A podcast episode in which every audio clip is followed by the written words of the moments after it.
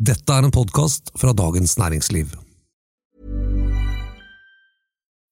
When you need mealtime inspiration, it's worth shopping Kroger, where you'll find over 30,000 mouthwatering choices that excite your inner foodie. And no matter what tasty choice you make, you'll enjoy our everyday low prices, plus extra ways to save, like digital coupons worth over $600 each week. You can also save up to $1 off per gallon at the pump with fuel points. More savings and more inspiring flavors make shopping Kroger worth it every time. Kroger, fresh for everyone. Fuel restrictions apply. Det politiske samholdet i Vesten mot Putin er nærmest totalt, men hva skjer hvis han bruker atomvåpen i Ukraina? Og regjeringen skal hente inn minst 100 milliarder kroner til nye formål og utgifter, og samtidig bruke mindre oljepenger. Dette lukter økte skatter lang vei. Og dette er den politiske situasjonen. En podkast fra Dagens Næringsliv med kommentator Eva Grinde og meg, politisk redaktør Fridtjof Jacobsen.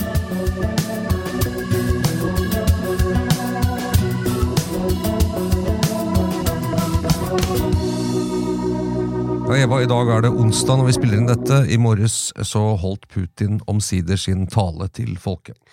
Ja, den ble jo varslet eh, gang på gang eh, utover eh, gårdskvelden, tirsdag kveld, og utsatt og utsatt, og det var vel sånn mellom åtte og ni eller noe sånn norsk tid at han da holdt den. Og det er selvfølgelig knyttet kjempestor spenning, han har ikke holdt mange sånne taler, og den blir jo tolket, altså innholdet den blir jo tolket som en klar opptrapping av krigen. Og de to viktigste tingene han kanskje sa der, da, det var at han skulle foreta en, en delvis mobilisering, og, og, og, hente ut 300 000 eh, reservister, kalte han det vel. Altså, det er ikke sånn at han skal gå løs på de som er i førstegangstjeneste, men altså folk som, som har militær erfaring. Eh, og få dem opp og ut i krig i, i, Ukraina. Og det andre er jo også det å slå fast at han tenker å avholde fire folkeavstemninger da, i de østlige regionene i Ukraina. Så um, dette er eh, ja, kanskje noe av den farligste situasjonen vi har vært i siden krigen startet. Ja, det er, altså hvis dette skjer, så er det i hvert fall en dramatisk omdreining. Dette med å, eh, det med å skrive ut soldater altså Russland har jo verneplikt, så det er jo mange mange tusen mennesker som er inne og gjør militærtjeneste hvert år. Det er på en måte en, en tvang. Og det har vært snakket om helt fra krigens start, at, at eh, det med disse årskullene som på en måte nylig er ferdig, la oss si at de dimitterte for et år eller to eller tre siden, eh, at han kunne hente inn de igjen Eh, og mobilisere dem og få dem i krig. på en måte Litt som vi kjenner fra den gamle norske mobiliseringshæren. At du har noen årskull som er relativt uh, nydimittert. da. Uh, at det var en slags reserve som han kunne bruke hvis han trengte flere uh, mannskaper som hadde trening. Det, det, har vært sagt, og det har vært holdt frem også og det er disse reservistene som man nå snakker om? Ja, og så ja. er det spørsmål hvor mange jeg, Ikke helt detaljene, men jeg snakker om tar du aldersklasser, ikke sant? tar du årskull, eh, og så har du mange å hente. Det er klart, Et eller annet sted så begynner de kanskje å bli litt for gamle til å sende i fronten, men, men eh, her har han på en måte en, en, reserve som han kan bruke av, og som mot et Ukraina som tross alt er ganske mange mennesker, så sier man at Russland har en fordel med det med størrelse, at de har veldig mange soldater, eller mulige soldater å ta av som ikke på en måte er kriminelle, eller ting, som er vanlige russiske unge menn da, som mm. har, nylig har liksom gjennomgått uh, førstegangstjeneste. Noe annet de også har gjort uh, nå, da, det er jo å endre loven sånn at det blir straffbart å ikke møte på sesjon, og innkallingene, så vidt, i hvert fall det som kommuniseres, er at de på en måte er på vei ut i de i de hundretusener av postkasser, liksom? Eller hvordan det foregår? Ja, det, Internettet, kanskje? Det, det, er jo en, ikke sant, Fra å være noe som han kaller det en militær spesialoperasjon. men Det kan jo kanskje sammenlignes med, med begynnelsen av Irak eller Afghanistan, eller sånne ting, hvor du bruker på en måte den profesjonelle eh, delen av militærmakten som drar og gjør noe. men men det går liksom ikke så mye inn i samfunnet. Det er ikke sånn at uh, Hvis ikke du er ansatt i Forsvaret der og da profesjonelt, så endrer det ikke så mye på livet ditt. Men nå endres det. Men nå er det litt annerledes, mm. det, og da begynner det å nærme seg mer. Da kan man jo mer begynne å snakke om det som en krig, også på russisk side. At nå er det liksom en krig for for Russland, og dermed så er det andre ting som går i gang. og det det, mange har sagt det er en gamble for Putin, fordi at uh, er samfunnet virkelig villig liksom, til å gå i en slags krigstilstand for å, for å, ta Ukraina, eller deler av Ukraina? Eller er de bare aksepterer det så lenge på, på en måte det ikke det går utover noen? Vil mødrene la sønnene dra i denne krigen? Ja, og tenk deg å sitte der og være, være sønn og få de nyhetene, da, og bare liksom vite at dette er meg, liksom. Jeg, ja. Det, det, er bare, det er bare veldig spesielt. Jeg tenker Det ene er den krigsmoralen, hvor ligger den hen? Det er veldig vanskelig for oss å egentlig vite, fordi at det er så farlig å si hva man mener, selvfølgelig, i Russland.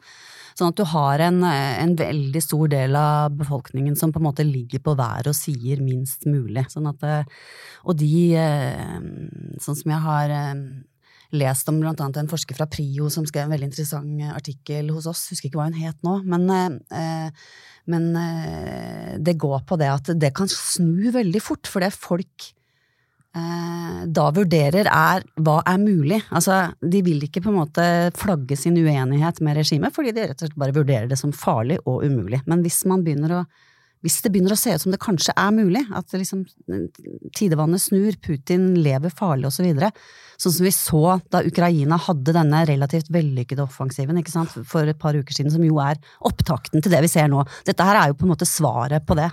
Mm, mm, eh, altså mm. Putins svar på, mm. på Ukrainas eh, eh, Da ble det jo nærmest kommentert ganske, fra ganske mange hold at er krigen i ferd med å snu? Kan Ukraina vinne? Kommer han til å gi seg? ikke sant? Og så får vi nå denne mot. Det, da var det jo stor optimisme, for, for å vende blikket litt tilbake til, til Vesten. Eh, så var det ganske stor optimisme da. Altså at, Se, nå taper han, eh, kanskje han må trekke seg helt ut, osv.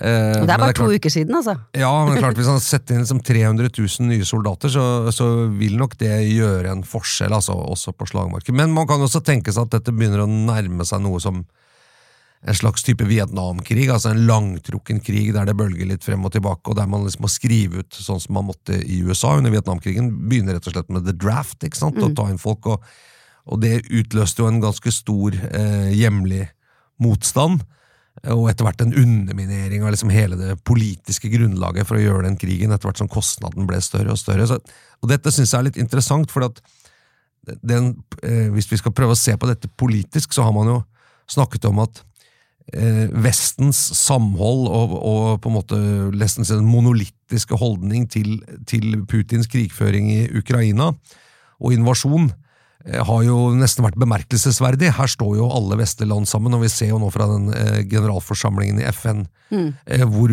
hvor, hvor, tett de står sammen. Og, og, Denne uken var også Erdogan i Tyrkia ute og sa liksom at dette går ikke, man kan ikke invadere et sånt land sånn, de må trekke seg tilbake, de må gi fra seg Krim, sa Erdogan. ikke sant? Det, eh, men så har det vært snakk om hvis vi blir utsatt for press, energipress, dårlige tider, vil dette begynne å krakelere og splitte opp, og kan liksom Russland splitte og herske på en måte?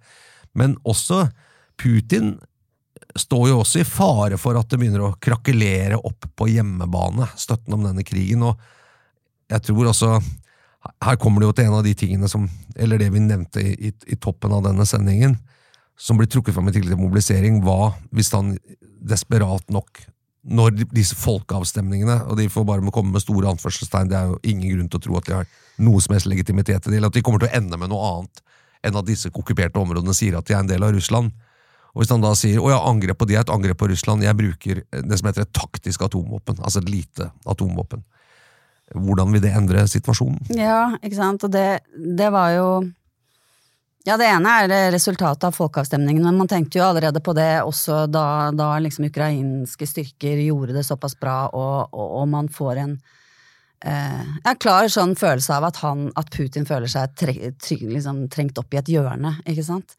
Um, ganske stort nederlag og de å måtte vike for Ukraina, i, i, ukrainske styrker i, i Øst-Ukraina. Og så blir man da Hva er det han da kan finne på? Ikke sant? Hva gjør man da for å hva er det som er igjen? Og da, da kommer jo det spørsmålet opp. Uh, og da er spørsmålet, hvis, oss, eh, som vi stilte på overskriften vår også, da, hvis, hvis han gjør det, hva gjør Nato da?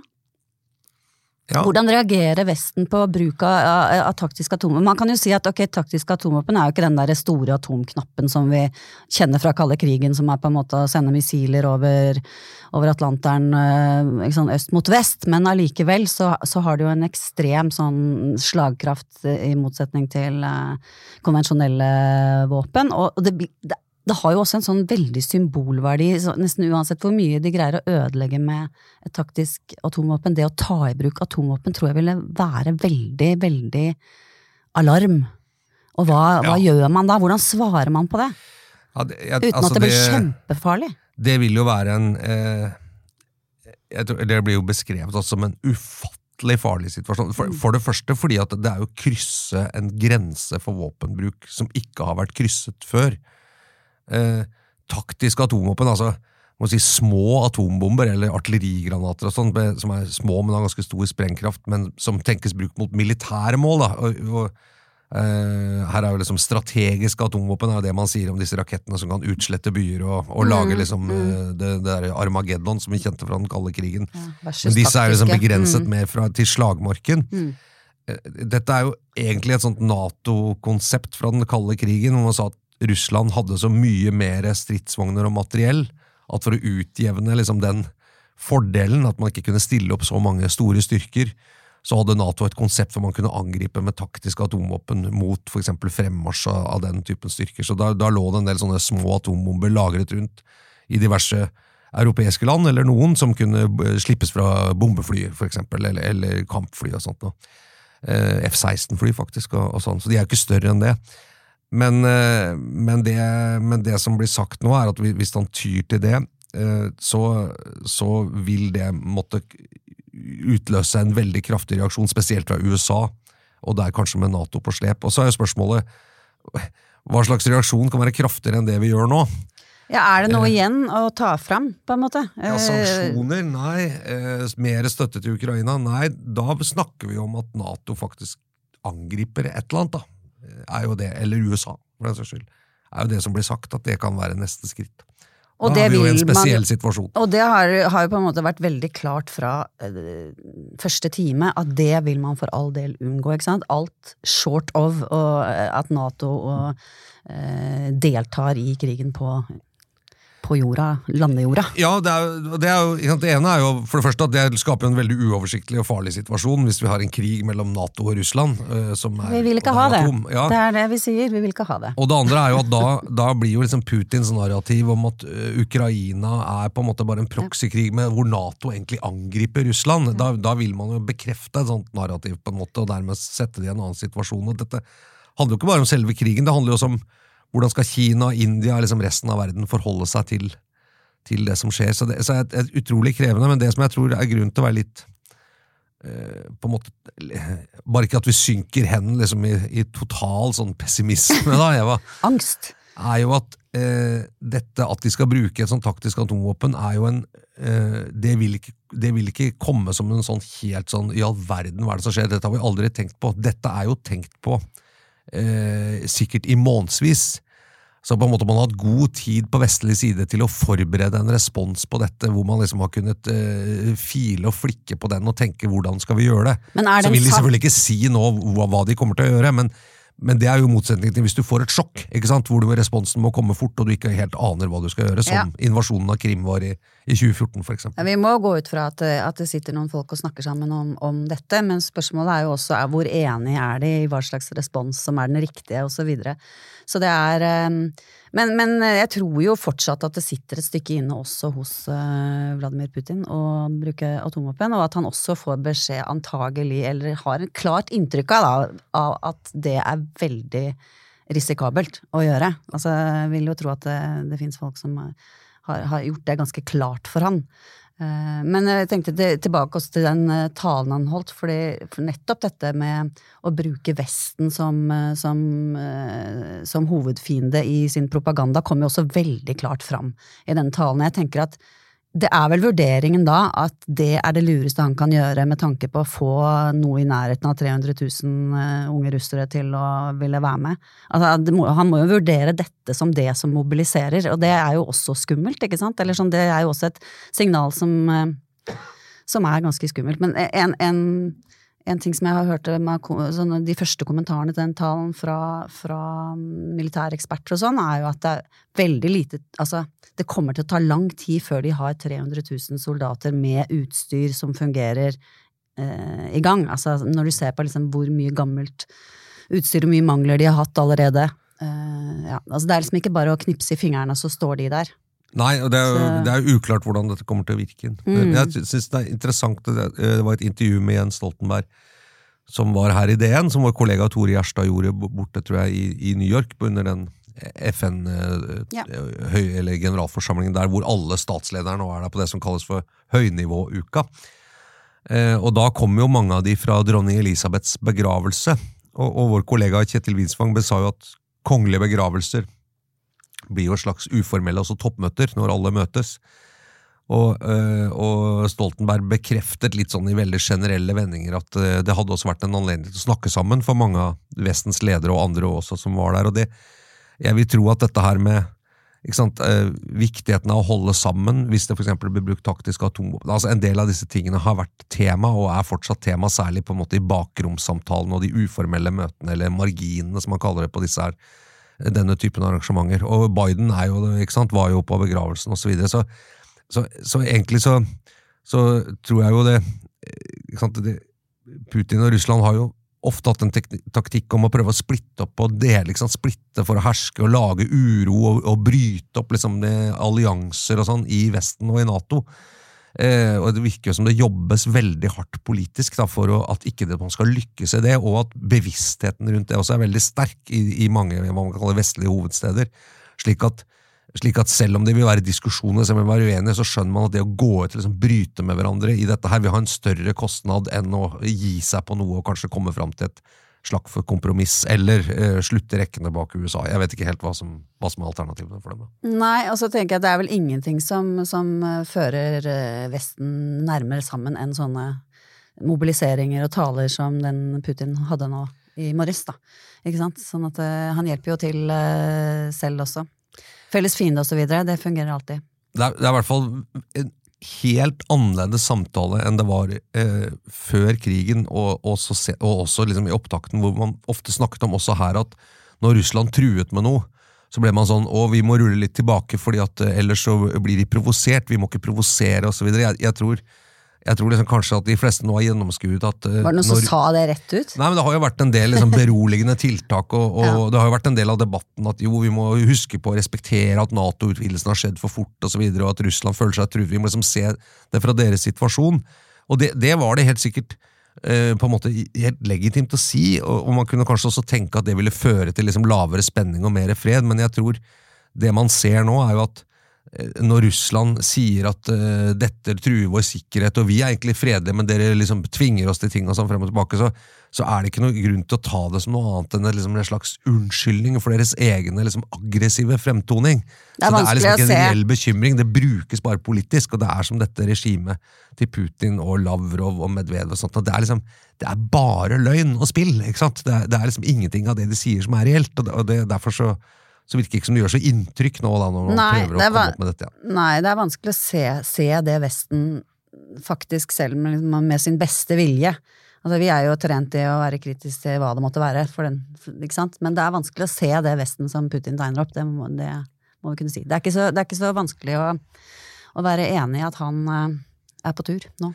Ja, men sant, det, det blir litt som en sånn, eh, som du har skrevet om, litt som en sånn psykopat, som, som eh, plutselig blir veldig sinna, og så tenker du sånn, «Oi, er jeg må ha gjort noe feil, siden du blir så sinna, og så når du begynner å tenke på seg, jeg har egentlig ikke gjort noe feil, det sinnet er helt illegitimt, men jeg begynner å likevel å tilpasse meg for å la være å utløse den reaksjonen, og jeg, jeg tror liksom det har vært sånn en stund, men at det ikke lenger, at det er ikke noen lenger som på en måte tar dette på alvor, kan du si. Den ligger litt lavere, den der nå med at eh, Russland i nord er noe helt annet, og vi har altså det, er, det er ikke så mange som flagger det for tiden nå.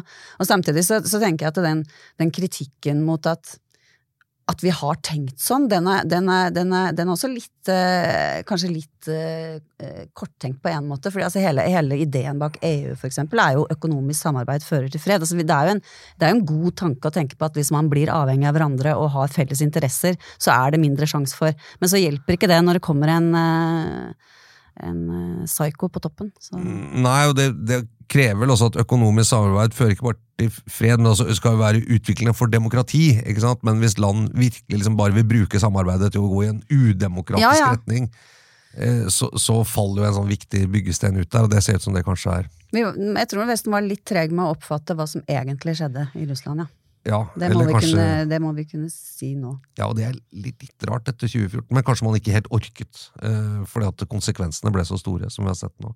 Men uh, Putin griper jo også inn, uh, litt indirekte riktignok, men i hjemlig politikk, og setter den ja, budsjettferske regjeringen, får i hvert fall si, selv om den begynner å ha sittet en stund nå. men de skal altså lage sitt aller første egentlige statsbudsjett. Det forrige arva de jo litt, og hadde vel bare litt tillegg til. Eh, og det skal de sette sammen fra grunnen, eh, og det blir ikke lett. Det blir det ikke. Du, Fridtjof, sjelden så har vel noe statsbudsjett vært eh, mer spennende enn det som kommer nå om et par uker? Nei, jeg, jeg, når jeg prøver å huske de siste ti statsbudsjettene, sånn, så har det jo vært ufattelig lite spennende. Det er akkurat det det har. For det, har det er lov å si det. Ja? Det er bare å pøse på med penger. Eh, og, og, Det betyr ikke at det ikke er viktig, men det har liksom ikke vært sånn. Jo, det har vært spennende på den måten at det har kunnet lage kanskje samarbeidsproblemer på borgerlig side, ja. da de skulle finne forlik og sånn. Si enda en gang at Høyre bruker masse penger og sånn. Ja, ja, Som fulle sjømenn, og så kan man ikke FRP si det. Hva skulle Frp få avgifter og ikke avgifter og, og, diesel og sånn, så det var en del politisk dramatikk rundt det. Men, men dette statsbudsjettet her skal vi i hvert fall tro varslene og liksom eh, forhåndslanseringen fra regjeringen blir jo annerledes. For jeg, jeg, jeg, tror ikke det handler så veldig mye om hvem som skal få penger nå, men, men det store her nå blir hvem skal, eh, hvem skal gi fra seg penger. Mm, hvor skal pengene hentes hen? Ja. Og når du sier forhåndsvarsling, så er det jo liksom ikke måte på hvordan, eh, hvordan eh, Støre, radarparet Støre Vedum nå jobber for å på en måte preppe befolkningen og næringer og bedrifter og alle mann alle om hvor, hvor blekt og kaldt dette blir. Ja, det er, dette er jo forventningsstyring, som heter ja. eh, når politikere skal prøve å, å forberede de befolkningen på å gjøre bra. det upopulært. Ja. Jeg syns de gjør det bra, det skal de ha, altså. Den, eh, jeg synes det kommer tydelig, De kom, er kommet tydelig på banen. Ja, det er, det er jo en sammenheng her. Vi, vi har høy inflasjon, eh, vi har for mye fart i norsk økonomi, eh, mener Norges Bank, som da hever renter. I morgen er det et nytt rentemøte på torsdag, kanskje har det allerede vært når du hører dette. Og man regner med at renta skal enda mer opp for å bremse økonomien. Eh, og én ting som da kan utligne Norges Banks renteinnstramming, er jo hvis man eh, setter for mye oljepenger inn i økonomien. Så det har regjeringen sagt, det skal vi ikke gjøre. Vi skal ikke bruke mer oljepenger, sier de. Nå bruker vi ganske mye oljepenger i år, så det er fortsatt en god del å sette inn. men men før helgen så kom jo denne pressemeldingen fra Finansdepartementet og et intervju med finansminister eh, Trygve Slagsvold Vedum på Dagsrevyen samme kveld, hvor han sa at vi, vi, har en utgiftsøkning i statsbudsjettet på 100 milliarder som vi ikke får gjort noe med. Det Minst, er uh, lønninger, pensjoner, uh, ukrainske flyktninger. Eh, og så er det byggeprosjekter som er i gang, og som ikke kan stoppes, for det, det liksom, det, de må bli ferdige. og så var det en ting til Hjelp til Ukraina, eller forsvarsopprustning? Ja, Forsvar ble ikke sagt, men det var, var Jo, strømstøtte, selvfølgelig. Mm, ja. ja. Ja, og Forsvar ble ikke nevnt, men det har jo også blitt nevnt. Og så sa de at selv om, eller Finansdepartementet sa at selv om vi får inn mer penger eh, fra kraftbransjen gjennom både skatt og utbytter, eh, selv om høyere lønninger og høyere priser gjør at vi får inn både mer skatt og mer moms, altså mm, i, i, mm. beløp, så er det fortsatt ikke nok til å dekke opp bare for disse økningene. Så i tillegg til at ingen får noen nye penger, så må vi finne inndekning. Og det var litt nytt. Eh, og vi må finne ny inndekning som vi ikke har i dag. Og så har du det tilleggsmomentet, da, som jo også er ganske viktig. Det er eh, løftet fra Hurdalsplattformen om at inntektsskatten samlet sett ikke skal øke. Altså man skal prøve å fordele den bedre.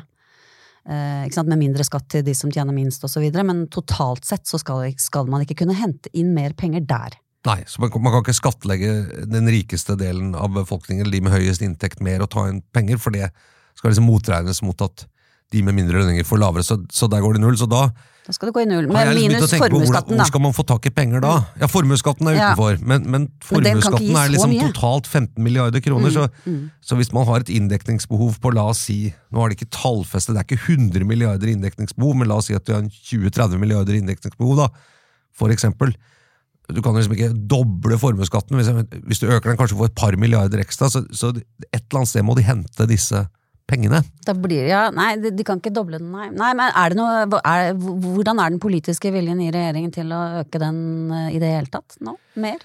Enn de allerede har gjort? De har jo skrudd opp den ganske Det var noe av det første de gjorde. Ja, de skrudde opp den litt, men så senket de samtidig sånn at litt færre på en måte med vanlige former, da, pensjonister Ja, ja. som kom i Altså formuesskatteposisjon. innslagspunkt, eller ja. Mm. Så, så liksom provenyen som heter, eller profitten av det, øh, se hva det blir. Nei, det kan selvfølgelig økes, og da er vi jo inne i denne Røkke-debatten og utflytting til Sveits osv. De må jo tenke litt på det, at ikke, at ikke de Skremmer alle øh, milliardærene på dør.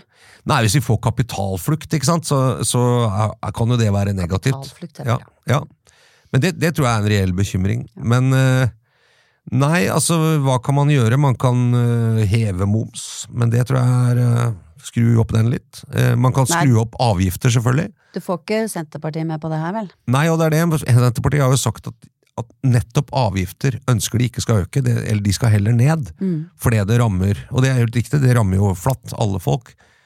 Så, så jeg, og her holder regjeringen veldig, veldig tett på kortene. Og jeg prøver liksom å fritte ut, kan vi få noen hint om hva som skjer, men det holdes ekstremt tett i det miljøet. Men Du har en uh, liten jeg har en hunch, da. En hunch. eh, Fordi Jonas Gahr Støre har sagt at folk og næringer som gjør det godt, må bidra mer. Og så sa han i et, et intervju i, uh, i går at uh, Dette er uh, politikktolkning på ja, nivå. men Nå er vi Altså. litt sånn helt på sånn eh, kremlon, kremlinologi. Kremlinologi. Ja. Han, han sa noe som for meg tydet på at, at de i hvert fall holder sånn døren åpen for, for å innføre noen nye skatter, rett og slett. Ja. ja, nettopp. Ikke bare, ikke bare skru opp gamle, men rett, innføre noen nye. Og hvilke nye skatte, skatter har vi å ta av? Én skatt har da ligget i skuffen eh, i eh, regjeringsapparatet. Eh, og det er eh, en, det som heter grunnrenteskatt på oppdrett. Mm.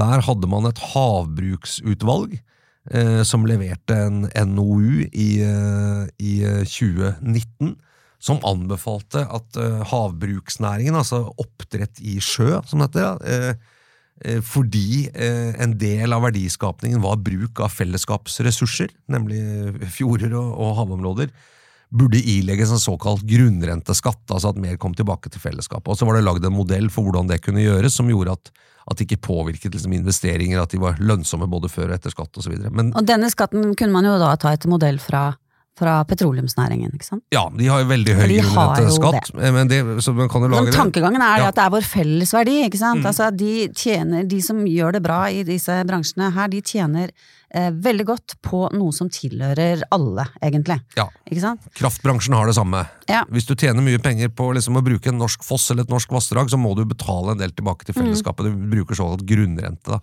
Oppdrettsnæringen har sluppet unna det, og det er jo egentlig, det har vi jo egentlig skrevet om flere ganger i den avisen, blant annet, at det er jo litt merkverdig. Og Ja, og det- det, Og det bør ikke være sånn. Jo, det er fordi man ønsket å stimulere til å, at oppdrettsnæringen skulle vokse og få investeringer og, og få mer oppdrett, men nå er jo det en så lønnsom bransje Og har vært det en stund. ja, Ja. at, i hvert fall så ligger det der, og, og beregnet eh, proveny på det, da, altså inntekter til staten, et profitt på det, var, skulle, var rundt 7 milliarder kroner, i, ble det skrevet dette fra 2019. Så vet jeg ikke hva det er nå, kanskje det er mer. Eh, Så det monner jo litt, hvis man skal finne inndekning. Samtidig så vil det jo være omstridt, for å si det forsiktig, i en del kystområder, og kanskje også i noen kommuner, eh, for dette er jo en bransje som sysselsetter og, og lager arbeidsplasser og næring da, i en del av, særlig langs norskekysten. Det kan hende det kommer noen sånne regnestykker på ja, ikke sant, hvor mange arbeidsplasser man må legge ned hvis man får denne skatten på toppen osv., men der er, er, må det jo også være mulig kanskje å, å skille mellom store og små bedrifter, eller? Eh, altså sånne små lokale som driver eh, veldig lite og ja. At, Ja, og, og Vitsø, på en måte, og, Ja. og, og Røkke, ikke sant, og de store gigantene. Ja, det tror jeg man kan gjøre med å utforme skattesystemet på en, på en måte som knytter seg litt til at du betaler på en måte etter profitt og hvor mye du bruker osv. litt sånn innslagspunkt-logikken, på en måte? Et eller annet? Ja, jeg, jeg, De får det til. Er ikke, jeg, jeg betaler eller jeg bare, Min skatt blir bare trukket, så jeg har aldri prøvd å liksom se på alt det. Men, men det kan nok finnes noen løsninger som gjør at man unntar liksom helt sånne hyperlokale små oppdrettsanlegg. da. Eh, men, men det ligger der, og så må vi bare understreke at vi vet jo ikke om det kommer, men, men i signalene fra oppdrettsbransjen og sånn er at de forbereder seg på at dette kan komme. Og så, og så er det jo spørsmålet om det kommer rett ut, eller om det liksom blir foreslått at det kanskje skal innføres om noen år for å gi bransjen tid, eller om det bare skal utredes videre, eller om det kan ende opp som en, i budsjettforhandlingene med SV, at det er en ting som på en måte ikke lå i budsjettet men som blir forhandlet inn for å skaffe inndekning på et eller annet, for eksempel. Jeg vet ikke. Men SV må jo stiller seg vel positive til den ideen. De stiller seg positive til den. Kanskje, kanskje opptatt av de små, jeg vet ikke. Men, øh, men, men sånn generelt. Ja. Ja. Jeg tror, jeg tror liksom det å skattlegge eh, de, de veldig rike mennesker som er blitt søkkrike milliardærer på lakseoppdrett, det, det, det Kan tror ikke jeg på en tenke meg måte- dere imot det, Nei. egentlig.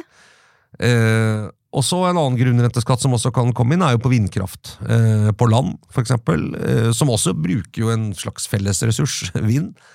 Eh, litt det samme prinsippet. Der, der har man latt være å gjøre og det, og det er sånn man tenker, man har nesten gjort helt fra begynnelsen av, bare for å liksom etablere det som et skatteregime. Men der ønsket man jo å stimulere til utbygging, og dermed så ga man ikke, gjorde man ikke det. Men, Nei, men det der- kan også bli innført nå, for nå er jo vindkraft Nå er jo det verdt veldig mye mer. Altså Prisen er så mye høyere for vindkraft enn den var for noen år siden. Men er det ikke snakk om på vindkraft til havs? Jo, det kan det også være, men, Ja, her- eh, men der, er det jo, der er det jo ikke noe ennå, så det, det gir ikke noen Nei, nei. inntekter. Nei. Nei, nei. Ikke Det gjør det jo heller ikke hvis man bare skal utrede grunnrenteskatten foreløpig. Men, men det med vindkraft tenker jeg, det kanskje sitter litt lenger inne, i og med at det, liksom, det er helt inntil nylig så har jo hele problemet vært at det ikke lønner seg, ikke sant? Altså det å gjøre det. Jeg vet ikke. Av de to så ville jeg tro de tok eh, oppdrettsnæringen først. Ja, kanskje begge, men, men det, det man Ja, kan gjøre med en sånn grunnrentemodell som i hvert fall jeg fikk antydet fra noen, var jo at hvis man får det på plass, så kan man bruke noen av de inntektene til å, til å gjøre at de kommunene som legger til rette for utbygging av, av eh, landvindanlegg, kan få beholde en litt større del av verdiskapningen og skatten på det, og dermed så blir det mer stimulerende for å gjøre det, at kommunen får bedre råd. Eh, At man kan bruke det på den måten, eh, og at det da kan skape litt mer entusiasme for å bygge ut eh, vind på land, som jo liksom i hvis, hvis vi trenger ny kapasitet og ny energi fort, så er jo vind på land noe som kan gjøres mye raskere enn havvind og andre, andre energiutbygginger, faktisk. Det er liksom, Få opp vindmøller og begynne å lage strøm på land, det, det tar ikke så veldig lang tid. da. Og den debatten er jo på full fart inn nå, det, den tror jeg vi skal høre mer fra, for å si det sånn. Ikke minst Høyre har jo markert seg nå med, med, med egentlig å snu fra sine egne vedtak da de satt i regjering, men å si at nå må vi faktisk tåle noen inngrep i naturen, og hele det spørsmålet der sånn, det, det kommer for fullt. Det var litt, litt enklere for Høyre å si når ikke de satt i regjering og måtte ta alle greiene, og si at nå er vi i opposisjon, og da skulle an, ber vi regjeringen være litt tøffere og, og litt mer skjære litt mer gjennom enn det vi gjorde selv, Ja. for at da er det den som får kjeften, ikke sant? Ja. Jeg syns faktisk jeg hørte på Politisk kvarter i dag, det var onsdag, da, og da var det jo hun eh, Marhaug fra Rødt, ikke sant, syns faktisk hun hadde et poeng da hun sa at det er Høyre som er populistisk her. Fordi de, de, de, de forandret politikk av protester, og nå, nå er protestene mindre, og, nå, ja, og de er i opposisjon, og da er det lettere. Men, men Det var et lite poeng, syns jeg. det var ikke så lett for, for nordmenn å se hvorfor skal vi få opp masse vindmøller i, i, i liksom norske kystområder. De, de syns jo, for å si det forsiktig, eh, når strømprisen er eh, utrolig lav, og vi har kabler som gjør at vi kan importere vindkraft, så, Ja. så vi trenger egentlig ikke å bygge det selv, for vi kan jo bare importere det fra andre land. Det er en helt annen kontekst nå, og det gjør antagelig at det kommer til å skje noe der òg. Jeg, jeg tror kanskje det, det blir jo som han NVE-sjefen Kjetil Lund sa, og som kollega Anne Rokkan også skrev om det, som kalte det et trilemma. ikke Ja. sant? At eh, vi, nordmenn vil ha mer kraft, de vil at den skal være billig, eh, og de vil ikke at det skal røre naturen. røre naturen. og du kan ikke få alle de tre, du kan kanskje få to av dem, ikke sant? Ja. Eh, og dermed så, så Men, Men så jeg tror kommer det det begynner å komme på plass, da. Det kommer det, og tilleggsdebatten rundt eh, skal vi elektrifisere sokkelen og sånn. For en annen måte å få litt, mer, litt bedre kraftbalanse på, er jo å droppe det prosjektet. Ikke sant? Så den ligger jo også da helt i kjølvannet av samme debatt. Ja, de, de planene ligger jo der. Ja da. tipper jeg inntil de ikke ligger der lenger. Men, Ja. eh, men jeg, Det jeg ser helt ikke helt liksom, hvordan man skal få gjort det i dag. Da. Men, eh, men eh, dette Wisting-feltet som det er snakk om, som skal elektrifiseres fra land, Mm. så vidt jeg har skjønt, så ligger jo det veldig langt nord, og der har man jo hatt ganske plenty med kraft. da. Eh, I vinter, i hvert fall. Eller i høstsommer, og kanskje har vært i vinteren også. Men, eh, men elektrifisering av sokkelen er egentlig en ganske interessant debatt. Kanskje vi kan vie en podkast til det også. Og det er også litt interessant å se hva som står om akkurat det i statsbudsjettet. Ja. Eh? Hva, hvordan skal det bli? Det er 6. oktober. Ja, det er, er eh, 6. oktober. Et par uker til, ja. Par Mm. uker til. Eh, Vi så vi rekker en podkast før det budsjettet også. Ja, det gjør vi. Får vi se om vi har kommet ut noe mer lekkasjer. Men det var alt vi rakk i denne ukas utgave av Den politiske situasjonen, som er Som er en politisk podkast fra Dagens Næringsliv med politisk redaktør Fridtjof Jacobsen og kommentator Eva Grinde. Eh, vi lager podkast hver uke. Syns det er veldig hyggelig eh, at du hører på. Eh, og hvis du ikke abonnerer, så gjør gjerne det. Og spre gjerne ordet så, eh, hvis du tror flere har interesse av å høre på oss. Vi finnes på alle tenkelige og utenkelige podkastleverandører. Og vi er gratis, merk. ja, og vi er I gratis. motsetning til andre. Dette er det eneste vi gjør omtrent eh, Ja, det er det som faktisk. du ikke må betale for. Eh, men vi håper jo at du abonnerer på DN også. Men, eh, men det skal vi ta senere. Men uansett, eh, takk for denne uken. Vi høres igjen eh, om en ukes tid. Eva. Det gjør vi. Ha det bra. Produsent var eh, Gunnar Bløndal. Eh, Vi høres.